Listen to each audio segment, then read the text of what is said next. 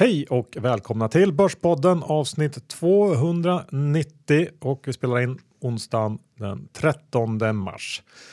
Och vi har med oss vår huvudsponsor tradingmäklaren IG Markets. Ja, och eh, det är ju så om du handlar index, råvaror eller valuta via mini futures eller varanter så tycker jag att du verkligen ska gå in till IGs hemsida och eh, titta eh, på deras nyaste produkt som heter Barriers eh, och eh, de här fungerar ju på samma sätt som mini futures eh, med garanterade stoppnivåer och en flexibel hävstång. Johan, kan ja. du säga några andra fördelar? Ja, men det finns ju några fördelar också. Det, det är ju handel dygnet runt eh, och att man med ganska litet kapital kan få en stor exponering.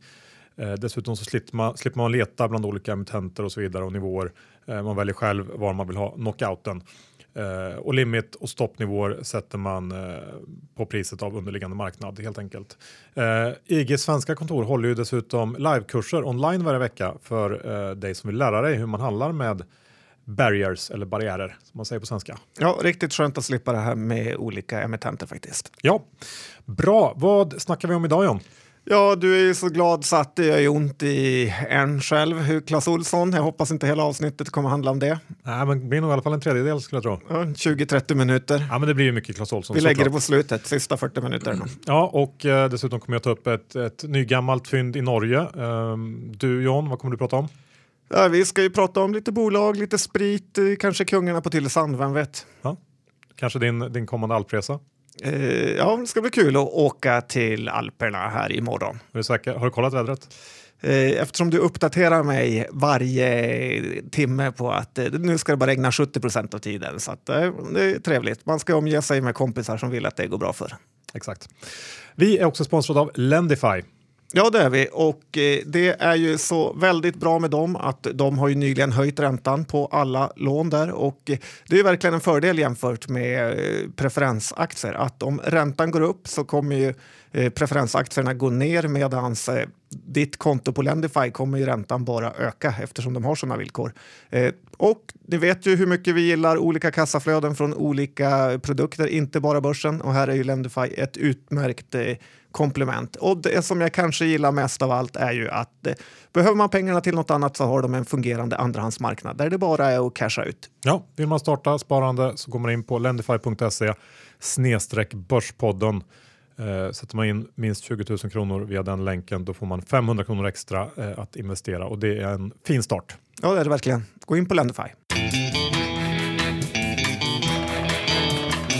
Johan Dr. Bass Isaksson index 1570 lite svagare än tidigare, men eh, det kommer tillbaka också. Det är inga större, större svängningar eh, får man väl ändå säga. Nej, eh, börsen har väl haft en eller kanske ett par veckor nu när det varit lite lugnare eller kanske till och med tappat lite grann. Samtidigt så har jag genomfört en egen liten channel check som jag gör ibland ute i den riktiga världen. Och sammanfattningsvis är uppfattningen att det har skett någonting här sista månaden. En märkbar försämring av farten, Eh, vilket också skulle stämma bra överens med en hel del av eh, det som händer där ute i världen och, och den stat som kommer in. Eh, exklusive USA då kanske som verkar tuffa på. Men bilindustrin fortsätter ju att gå riktigt dåligt. Eh, jag såg att försäljningen var ner med 15 procent nu i Kina senast och eh, industriproduktionen i Tyskland eh, tappar också rejält för att nämna några exempel. Så att jag, jag lutar ändå åt att det blir en, en, en avmattning här under månaderna och kvartalen som kommer. Jag såg också att Finwire skrev om att de aggregerade vinstprognoserna för OMXS30-bolagen har kommit ner från eh, 330 miljarder vid årsskiftet, alltså helårsvinsten för i år, till 319 miljarder kronor nu samtidigt som börsen då rusat och jag har helt enkelt svårt att få ihop det här och, och framförallt att se uppsidan i börsen på de här nivåerna. Ja, får jag bara fråga vad din channel check eh, består av när du rör dig mellan kontoret på Odenplan till eh, Bromma? Jag kan, kan faktiskt inte gå in, det, det en, måste jag hålla konfidentiellt tyvärr. Men jag, jag kan försäkra Säkra källor? Ja, att det, det, är extremt säkra källor. Extremt eh, till och med. Och det, men det du sa där, det stämmer inte riktigt att jag bara rör mig. Jag har ju varit i Spanien i veckan. Ja, berätta. Ja, och eh, jag tänkte ta upp det här eh, eftersom att jag flög med Norwegian som ju har varit aktuellt på slutet, både eh, på grund av sina finansiella problem och också att de har massor av sådana här Boeing 737 Max-plan som de absolut inte ville ställa på marken men tvingades till slut. Va? Eh, hur som helst så, så mm, eh, eftersom jag bokade med lite kort varsel så fanns det bara Norwegian att välja på eh, så jag bokade trots att jag svurit på att aldrig mer flyga Norwegian efter diverse besvikelser och eh, jag blev direkt påmind om varför. Eh, förutom att, att eh, flygen såklart var försenade med en timme i varje riktning eh, och det händer i princip alltid. Jag skulle säga att ungefär 70-80% av mina flygningar med Norwegian har varit försenade. Men förutom det så fick vi på hemresan vänta en och en halv timme extra på Arlanda på bagaget för att något geni hade packat in en rullstol som de inte fick ut och som då blockerade alla väskor. Så jag, jag, jag, förstår att, att de har problem, men det jag funderat på när det gäller Norwegian är ju hur de lyckats få till den här auran av att vara ungefär lika bra som SAS men lika billiga som Ryanair när det egentligen är precis tvärtom. Eh, för det är ju ungefär samma pris som SAS medan kvaliteten på tjänsten som man får är i paritet med Ryanair tycker jag. Så att Norwegian måste ju ha några, riktigt, eh, några riktiga snillen på marknadsavdelningen helt enkelt som lyckats med det här och som eh, jag tycker att, att eh, Gustafsson på SAS borde försöka rekrytera eh, Norwegians marknadsfolk.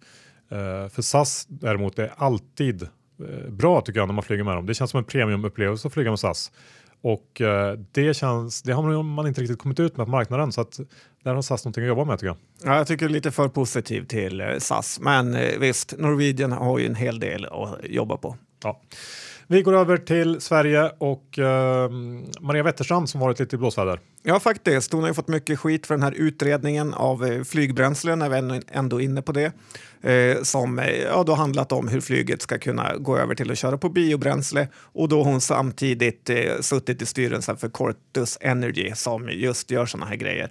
Eh, och eh, det är klart hon ska ha skit för det här tycker jag, men det är lite first level thinking att fokusera på just det, Eh, då riggen i det här systemet är mycket större än så tycker jag. Eh, om du sätter en person som Maria Wetterstrand på att göra en utredning så vet man ju exakt vad man kommer få. Eh, den här utredningen behöver inte ens göras egentligen. Det är lite som att sätta John Skogman på en utredning om man ska satsa på bibliotek eller inte.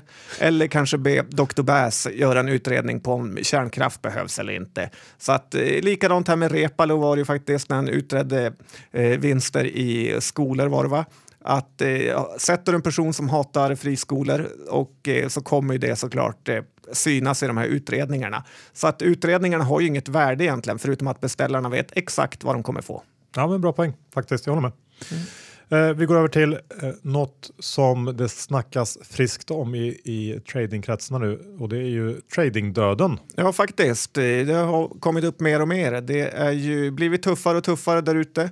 Och eh, samtidigt känns det ju som att börsen gör sitt bästa för att både lura traders och eh, förvaltare. Eh, den här klassiska magneteffekten som jag faktiskt tror Jon Jonsson var en av de första att eh, prata om i sin klassiska finansblogg. Eh, den här magneteffekten är ju att, eh, eh hela, att bolag hela tiden går i fel riktning. De ingen tror på går upp och de alla tror på går ner. Eh, jag tycker vi kan se det på eh, kanske Ericsson, där, som alla förvaltare i princip varit underviktade i, som eh, har dubblats. Eh, många sålde H&M på botten och vad gäller trading-communityt så är det en blandning av att många har sålt bort sig i mindre bolag tidigt som bara fortsätter upp och att det faktiskt nu är ganska, ganska svårt att hitta case. Eh, och sen till alla arbetsgivare där ute kan man ju säga att eh, när en trader söker jobb med motivering att det gick helt okej, okay, eh, men det kändes lite ensamt att inte ha något jobb att gå till, så vet man ju att det är en fet eh, lögn. Där kan du erbjuda 18 000 i månadslön så har du han på kroken. Ja, det ligger någonting i det. Uh, men det är ju lite, för att fortsätta ja, där, visst, det visst. är ju lite så att det gått, de det har gått bra för, det är ju kan man säga Per H-gänget. Det här buy and hold.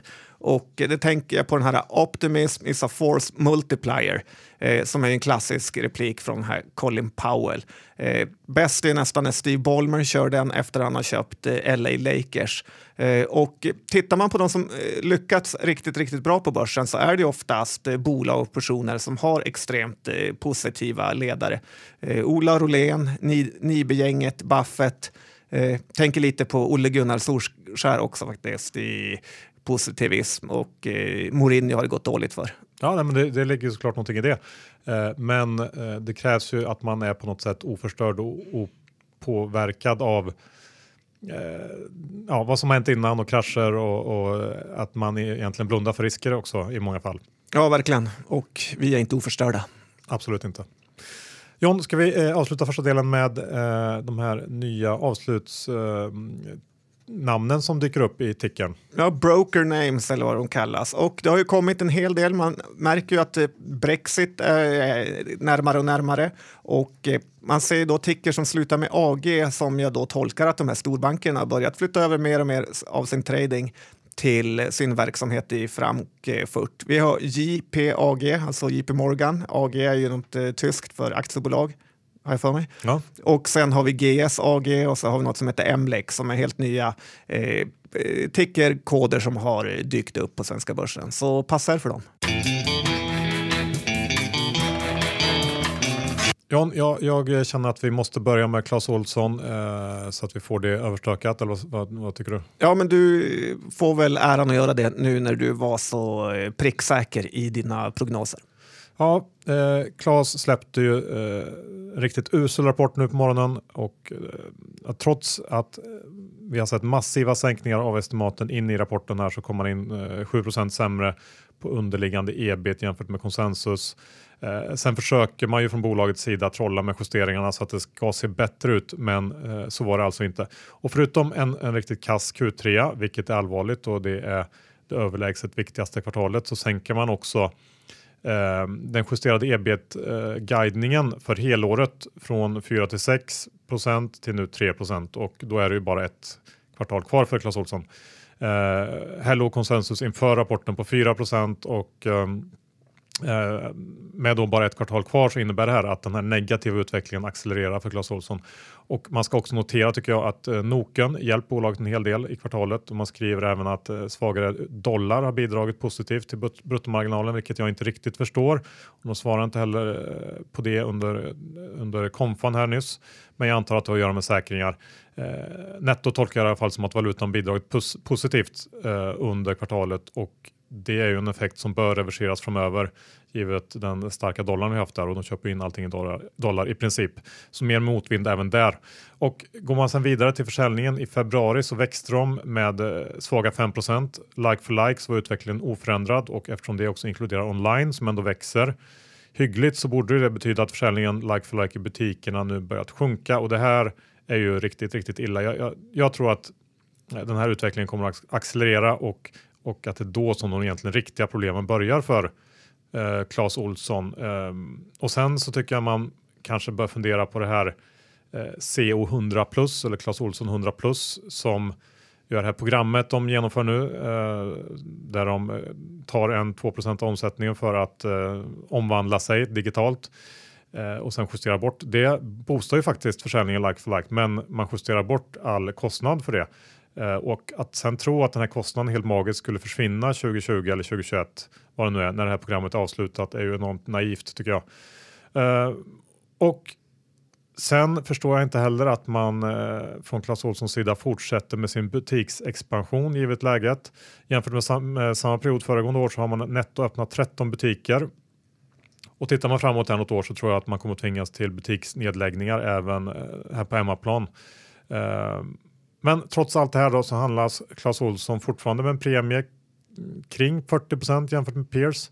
Marknaden tror uppenbarligen på att eh, online kommer att kompensera för fallande butiksförsäljning men jag eh, har som sagt oerhört svårt att se hur det ska gå till. Lönsamheten online är ju väldigt mycket sämre och det är ju heller inte bara Clas Olsson som säljer den här typen av prylar på nätet. Konkurrensen blir tuffare i princip varje dag som, som går och Eh, även sen om man kommer få lite medvind rent lönsamhetsmässigt av den här nedläggningen i UK och Tyskland så tror jag att den negativa hävstången i resterande butiksnät eh, när försäljningen där sjunker blir ännu större. Så med det sagt så tror jag att sannolikheten för att Clas eh, Olsson når det här målet de har om 68 ebit eh, på lite sikt, eh, sannolikheten för att de ska nå det är extremt liten och det, eh, det är absolut inte inprisat i marknaden än. Så att jag eh, ja, tycker att det här var Eh, helt enkelt i linje med, med vad jag förväntat mig.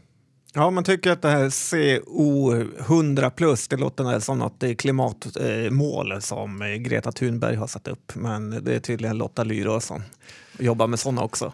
Precis, det är det. Så att, äh, men, äh, stay away tycker jag från Clas Ohlson. Jag har ju såklart fortsatt kort den här aktien, så det är ingen anledning till äh, något annat här. Nej, själv plockar jag in livrädd för det här budet från ICA som vi är många som fruktar. Ja, jag såg att något geni var ute på Dagens Industri idag och kommenterade att äh, Kinnevik äh, borde köpa upp Clas Ohlson och att det passar helt perfekt. Jag, jag förstår ingenting. Nej, de är nog jättesugna på massa butiker med en rulltrappa upp. Tror jag med. Vi går över till eh, eh Airbus och Boeing som ju varit i hetluften här på grund av då den här omtalade Boeing eh, 737 Max. 8 får du lägga till, 8. för det heter planet också. Det. det. är lite så här Saab 9000 Turbo CD börjar de här eh, namnen bli. Men det finns ju två stora bolag i världen som säljer sådana här passagerarflygplan. Eh, Airbus och Boeing. Det är ju lite oligopolkänsla här och det är ju bra som aktieägare.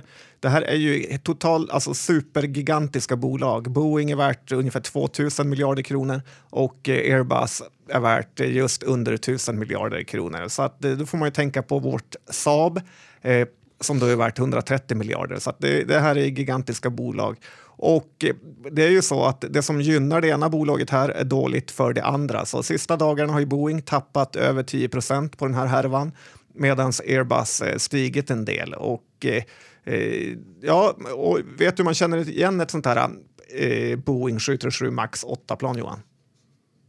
Nej. Ja, det är ju de här vingarna som ser ut som, som är kluvna på något sätt längst ut. Så att sitter man i ett plan och ser det så ska man vara lite orolig. Det låter ju läskigt redan från början. Ja, faktiskt. Men tittar man på värderingen, Boeing har ju tickern BA, eh, delar ut 2% och eh, Airbus tradas i Frankrike, delar ut 1,5 procent och båda har ungefär liknande värderingar på P20. Okej, är inte jättesugen givet eh, senaste tidens utveckling ändå. Kan ju kosta ganska mycket pengar här om det behövs uh, fixas till. Och, uh, ja. ja, för, för Boeing då, då ska man köpa Airbus. Ja, precis. En spread där kanske man kan köra fortfarande. Eh, Systemair har också rapporterat idag. Ja, det har ju inte varit eh, konstigt att vi pratar om optimism här i början eftersom det är bara dåliga rapporter och det här är ju ventilationsbolaget som det inte riktigt vill sig för. Eh, många analytiker har ju höjt rekarna sista dagarna och det har ju visat sig vara helt fel här. Förstår egentligen inte varför man ger en köprek bara någon dag innan eh, rapport. Nu får man ju skämmas istället. Nordea höjde riktkursen för en vecka sedan till 123 och eh, gick från behåll till köp och det här känns ju helt fel nu. Det här var en genuint dålig rapport eh, där de har problem med förvärven, det är dålig bruttomarginal och dessutom massa jobbiga engångsposter. Eh, dessutom är bolaget dyrt med ett p-tal kring 20 och eh, ganska låg direktavkastning faktiskt. Så att det finns ju bättre bolag än System Air här på börsen nu och dessutom har ju den tradat upp sista tiden så trots dagens nedgång på 8 procent så är, tycker jag att det är mer sälj än köp. Ja, jag håller nog med. Man tog ut lite för mycket där i förväg helt enkelt. Eh, Mekonomen, vill du säga någonting om det? Ja, men det vill jag väl ändå. För att man har ju funderat på den här aktien om det ändå kan vara något lockande. För man gillar ju aktier och du är ju, tillhör ju dem också som har kollapsat, eh, men de borde ändå ha något värde och eh, man ska ju köpa när det ser som eh, sämst ut. Frågan är ju dock om det inte fortfarande kan bli mörkare här faktiskt. dollarn är så stark och det kommer ju påverka bruttomarginalen med flera procent faktiskt. Och sen är ju euron ett annat problem som de har och Eh, det är möjligt, det vet jag faktiskt inte, men att de har lån i euro och de behöver faktiskt inte få upp sin eh, nettoskuld mer än 4 miljarder så det är också ett problem. Positivt är ju den här eh, Noken då, för de har också verksamhet där, så den har varit stark, såg vi i Clas Olsson med. Och det man inte heller gillar är de här enorma goodwill-posterna som finns. Vi såg ju MQ hur man får skriva ner dem. Men sen det fick upp funderingen lite mer var ju att valberedningens förslag till styrelse kom. Och eh, vem tror du Kenny Bräck får fortsatt eh, förtroende Johan? Ja, jag utgår från det. Ja, det har du helt rätt i. Han har suttit nu i styrelsen över tio år och en sån kille vill man inte missa faktiskt. Och det här tillsammans med att Magnus Håkansson som är ju känd från eh, att han är vd i R&B eh, får fortsätta sitta i styrelsen. Så att man får inte den här känslan att de har suttit ihop ett dream team som nu ska ta och vända det här. Och, eh, det gör ju en lite besviken. Eh, dessutom tycker jag nog ändå att analytikerna ligger lite för högt i sina prognoser här närmsta tiden med tanke på de problemen eh, jag tog upp. Så att, eh, jag håller en spaning, men jag vågar inte göra något än. Nej, men jag, jag kan nog köpa det. Att det kan vara läge att uh, vänta något kvartal till och se vart det här Eh, ska ta vägen helt enkelt.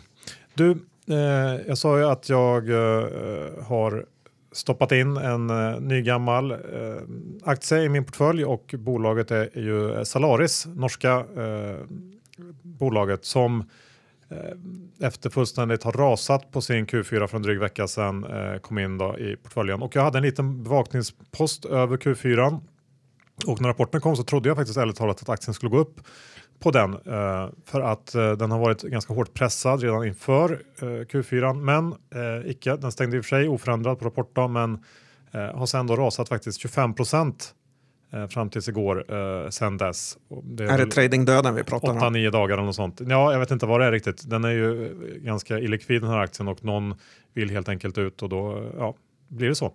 Eh, men för att köra en liten recap så gjorde ju Solaris två större förvärv under 2017, eh, vilket först då hyllades av börsen. Men bolaget har sedan inte alls lyckats med integrationen och det har kostat mer än väntat. Eh, man har fått lägga alla resurser på det här, kanske Eh, eh, inte heller kunnat lägga så mycket man har velat på försäljning och så vidare.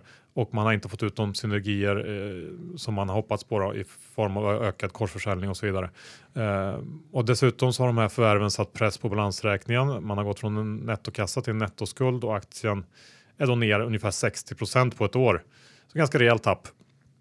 Eh, så 2018 blev ett förlorat år när man eh, integrerade de här bolagen eh, och hade låg organisk tillväxt. Men jag tror också att vi såg det värsta eh, under förra året och tycker ändå att Q4 var ett steg i rätt riktning och dessutom så har man eh, som jag tror eh, bidrar till den här oron så har man omförhandlat en del större kundkontrakt eh, nyligen och det här har resulterat i initialt lägre eh, avgifter. Eh, men ledningen räknar med att kunna hämta hem det här under kontraktens livslängd. Dels då via interna effektiviseringar men också genom upselling som Hans Petter Mellerud säger. Och, eh, marknaden är uppenbart väldigt orolig för, för den här prispressen eh, och det kan man ju förstå. Men, men eh, vd var väldigt konfident under konfkålet kring chanserna att komma tillbaks till gammal god lönsamhet eh, och till och med bättre på lite sikt. Och ja, jag håller nog med om det för, för att um, förutom att man har signat upp en hel del kunder på slutet som kommer att generera intäkter under 19 så kommer det såklart att krävas eh, lite nya affärer också. Men tittar man historiskt på Solaris så är säljcyklarna väldigt långa och jag tror därför att man kanske har varit lite överoptimistisk på kort sikt eh, kring vad, vad de här förvärvade bolagen skulle kunna bidra med i form av nya kunder. Man kommer ju alltså in på två nya marknader där, Tyskland och England och, och förhoppning var ju att kunna erbjuda sitt, sina tjänster på de här marknaderna. Ehm, men eftersom att det inte har, har liksom realiserats på kort sikt så, så har man sänkt eh, aktien rejält. Men jag tror att man underskattar potentialen på lång sikt eh, här och eh, aktien är nu kring 20 spänn. Det är all time low. Eh, värderingen är inte alls särskilt utmanande baserat på, på de konsensusestimat som finns så handlas aktien till ev ebita runt 9 och eh, tittar man på peers runt om i världen så är det ungefär eh, hälften av vad, vad de ligger på. Så att, eh, jag tror helt enkelt att det är ett ganska bra läge eh, i Salaris nu. Men eh, ja, vi får se. Men jag har köpt aktier. Ja, det är ju några saker som man inte gillar med det här bolaget och det ena är ju att du som vanligt måste köpa bolag som har ett förlorat år. Det är en klassiker. En klassiker, ja. Eh, och var i och för sig bra i Railers får man säga. Eh, det, sen känns det som att det är lite av ett handpåläggningsföretag eh, som man tror är ett it-företag. Så eh, ja, men visst, man ska köpa när det är billigt och eh, eh, det är ju hög risk här får man säga. Ja visst, man, man, det vill ju till att de börjar vända det här, men, men nej, vi får se. Det, det blir spännande att följa. Jag, jag tror på Hans Petter. Jag ska tillägga där också att han är ju vdn, eh, är ju grundare av bolaget och äger fortfarande största ägare och jag gillar det incitamentet. Jag tror inte att han vill liksom sluta med ett sånt här misslyckande och, och liksom, det här är hans livsverk så att den drivkraften eh, tycker jag också är viktig i hela det här. Att han, hans vilja att göra det här till någonting mycket större än vad det är idag. Hungriga vargar jagar bäst. Exakt. Bra John, vi går över till eh, MQ. MQ, ja men man undrar här lite, Mats Kviberg, vad har hänt med han faktiskt? Eh, han är ju kallare än mig i sina case eh, sista tiden faktiskt. Och eh, eh det var ju ett eh, tag sedan faktiskt han drog det här skämtet om att MQ inte stod för Mats Kviberg som han älskar att dra på alla presentationer när det gick bra för MQ. Eh, det har ju inte åldrats så bra faktiskt. Eh, det känns lite som att eh, sen hans rättegång avslutades så har han tappat lite av eh, livsgnistan, eller i alla fall fighting spiriten. Eh, han behövde ha alla ögon på sig. Hans stockpicking har inte varit så rolig faktiskt. Vi har MQ, Leo Vegas, Catena Media. Eh, Fingertoppskänslan känns som att den är borta nu. Eh, tittar man på Öresundsportfölj är det inte heller jättelockande. Fabege som är ju extremt upphypat av den här nollräntan, är ju största innehavet. Sen har de Bilia och eh, bilförsäljningen är väl eh, i alla fall ser ut att ha toppat och eh, något man kan vara orolig för. Sen har vi Scandi Standard eh, som jag verkligen inte gillar. Eh, Intrum, Catena och Bulten också tre stora innehav. Så att, eh, nej, eh, Öresund är faktiskt eh, svårsålt just nu tills eh, eh Matte Q har hittat formen igen. Ja, jag håller med. Kanske får ge det något kvartal till och se om några av de här nya casen eh, går in. Men, men ja, det ser lite tufft ut. Jag håller med. Ett till bolag som det ser ganska tufft ut är ju något som också börjar på M. Vad tror du det är? Ja, jag tror det är MyFC. Helt rätt. Och eh, det här, får jag, får jag, säga att det här är största skämtet på börsen eh, som, eh, får jag det Johan? Det finns i och för sig väldigt hård konkurrens, men vi kan ju säga topp tre i alla fall. Ja, för mig är det topp ett. Och eh, de här får ju mörka och ljuga och eh, det får de göra helt fritt eh, utan att någon med makt ingriper. Bolaget omsätter nu 600 000 kronor i kvartalet och förlorade 90 miljoner. Det känns ju helt rimligt. ett förlorat år, kan det vara det Johan?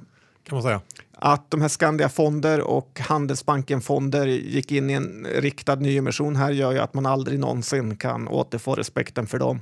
Eh, det som börjar man också får en känsla av är det här Jörgen Lantto eh, Fingerprints tidigare vd som nu är ordförande i MyFC. Det börjar ju mer och mer framstå som någon typ av one-hit wonder det han fick vara med om i Fingerprint. Och Eh, Eh, jag får ju känslan av att det kanske egentligen bara var tur, eh, var på rätt plats vid rätt tillfälle och att det inte är hans eh, förtjänst överhuvudtaget att det har gått så bra. Men han försöker framstå som det och få diverse jobb här och var.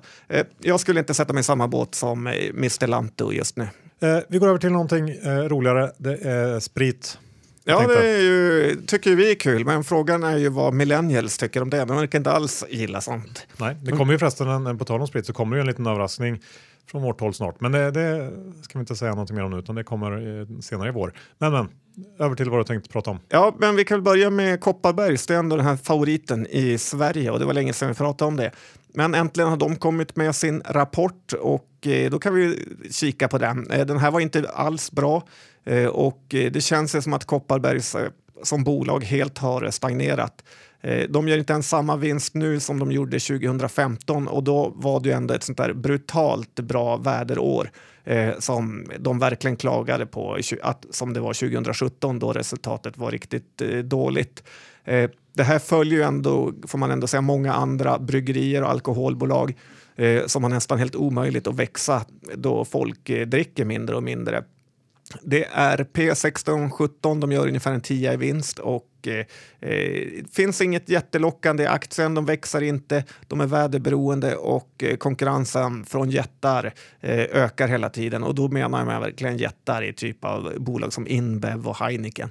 Eh, det positiva är väl ändå att de är skuldfria och eh, P16 är väl inte jättejättedyrt. Jätte Eh, men över 160 så ser jag ingen anledning till att äga den här faktiskt. Det, det påminner lite om Avanza där alla verkligen trodde på en ostoppbar vinsttillväxt men sen har vinsten stått eh, stilla i flera år. Så att eh, ja, det går, verkar inte gå att göra något åt för att få upp den. Nej, men det krävs nog någon ny, typ, någon ny hit eh, eller någon ny marknad som verkligen slår. Eh, och ja, svårt att säga om det är på gång eller inte. Känns inte som det. Eller att John Scott bli den största succén som någonsin har skådats. Ja, det är också en, en möjlighet. Ja, ganska låg dock. Eh, sen kan vi ta upp det här Arcus, eh, det norska spritbolaget eh, som affärsvärlden rekar med typ sex månaders mellanrum. Vad har de egentligen för produkter? Ja, de har ju, det de är mest känd för är ju olika akvaviter, men även gammeldansk är väl den de vill eh, mest eh, skylta med. Ja, den är fin. Och eh, ja, kommer du ihåg de här kungarna på Tylösand när Nemo, James Maskinen och eh, Jockiboi shottade gammeldansk istället för Jäger och eh, Jockiboi kräktes i sitt eget glas? Jag kan inte påstå att jag har jättestarka minnen. Okej, okay, följde inte den serien. Eh, det var ju inte någon liksom grym produktplacering där kan man väl eh, säga. Eh, men grejen är ju att Arcus i grunden mest är en importör av olika märken och sen säljer de det i Norge och Sverige och deras största affärsområde är import av vin. Och tillväxten här är ju inte all, finns inte och eh, de kan inte höja utdelning. I och för sig en sjunkande nettoskuld eh, sen de kom in på börsen, men ändå en eh, skuld. Så att eh, nej, jag tror inte Arcus heller är något alkoholbolag att ha i portföljen faktiskt. Nej, jag instämmer nog. Och John, vi avslutar med ett sista bolag, även det norskt och jag tänker på Schibsted. Um, Bodenholm Per drog väl det här caset för oss när han gästade podden, tror jag i alla fall. Ja, det gjorde han. Uh, det har hur som helst varit en bra aktie att äga sedan dess uh, och Schibsted hade uh, en kapitalmarknadsdag förra veckan inför den här efterlängtade uppdelningen av bolaget där man då kommer knoppa av den utomnordiska marknadsplatsdelen i ett nytt bolag som kommer att heta Adevinta medan resten då behålls i någon slags gammel Schibsted. Och man ny, presenterar nya finansiella mål för, för bolagen där eh, det här Adevinta ska växa med 15-20% per år och ha en långsiktig ebitda-marginal på över 40%. Eh, Medan rest Schibsted, eh, deras marknadsplatsdel, de Blocket och så vidare ska växa med lite måttligare 8 till 12% och marginalmässigt så guidar man inte för gammel Schibsted mer än att marginalen inom news media ska vara stabil. Eh, och för den som är intresserad av det här eh, så finns det fruktansvärt mycket info i, i presentationen på deras hemsida. Och typ 200 sidor med grafer och eh, info, tabeller och så vidare. Eh, men jag tycker att det känns ändå ganska intressant det här. Eh, framförallt så blir ju det här Adevinta ett spännande bolag med många riktigt intressanta tillgångar. Nu är aktien upp ungefär 20% i år och det finns ju kortsiktigt i alla fall alltid en risk för att många kör den här spin-off-traden och hoppas på en snabb vinst. Eh, men helt klart värt att hålla koll på det här tycker jag. Ja, lite mardrömsjobb att göra den presentationen. Jag känner redan att det hade kunnat bränna ut mig. Ja, det är ingenting för dig. Slut på avsnitt 290 och vi tackar vår huvudsponsor tradingmäklaren IG Markets. Jag tittar in de här barrier-optionerna som är som eh, varanter, turbovaranter, som väldigt eh, spännande faktiskt. Och eh, ja, det kan skönt att slippa leta emittenter och välja sina kurser. Och vi är också sponsrade av Lendify. Eh, bygg upp ett alternativt kassaflöde. Börsen går ju inte alltid upp. Eh, som alla vet tänkte jag säga, men jag tror de flesta inte vet det, men så är det faktiskt. Ja, lärdom från Johan. Ja. Eh, och vill man starta ett sparande på Lendify, då tycker jag att man med fördel kan gå via länken lendify.se börspodden. För om man då stoppar in 20 000 kronor och investerar dem, då får man 500 kronor extra. Så där bara, som magiskt trolleri. Ja, men det är riktigt kul att det finns den här möjligheten faktiskt att konkurrera mot bankerna. Så är det. Och när det gäller innehavsredovisningen, jag är då eh, kort Clas Olsson och lång Salaris. Ja, jag har faktiskt eh, några få salaris med som jag eh, nästan hoppas ska gå ner. ja, tack, tack. Men du, det, är, det är en oroväckande trend att du börjar dryga mig. Det är någon ny grej. Ja, men det är något jag måste tjäna pengar på något och eh, du känns hetare av oss alltså, två i alla fall. Du har alltså tänkt, täckt dina Clas Ohlson-kortningar eh, som du hade? Ja, faktiskt, för att den brukar ju spåra ur av olika anledningar. Jag orkar inte sitta och titta på den på dag och oroa mig. Nej, det är rimligt. Bra, tack för att ni lyssnade. Vi hörs om en vecka igen. Hej då!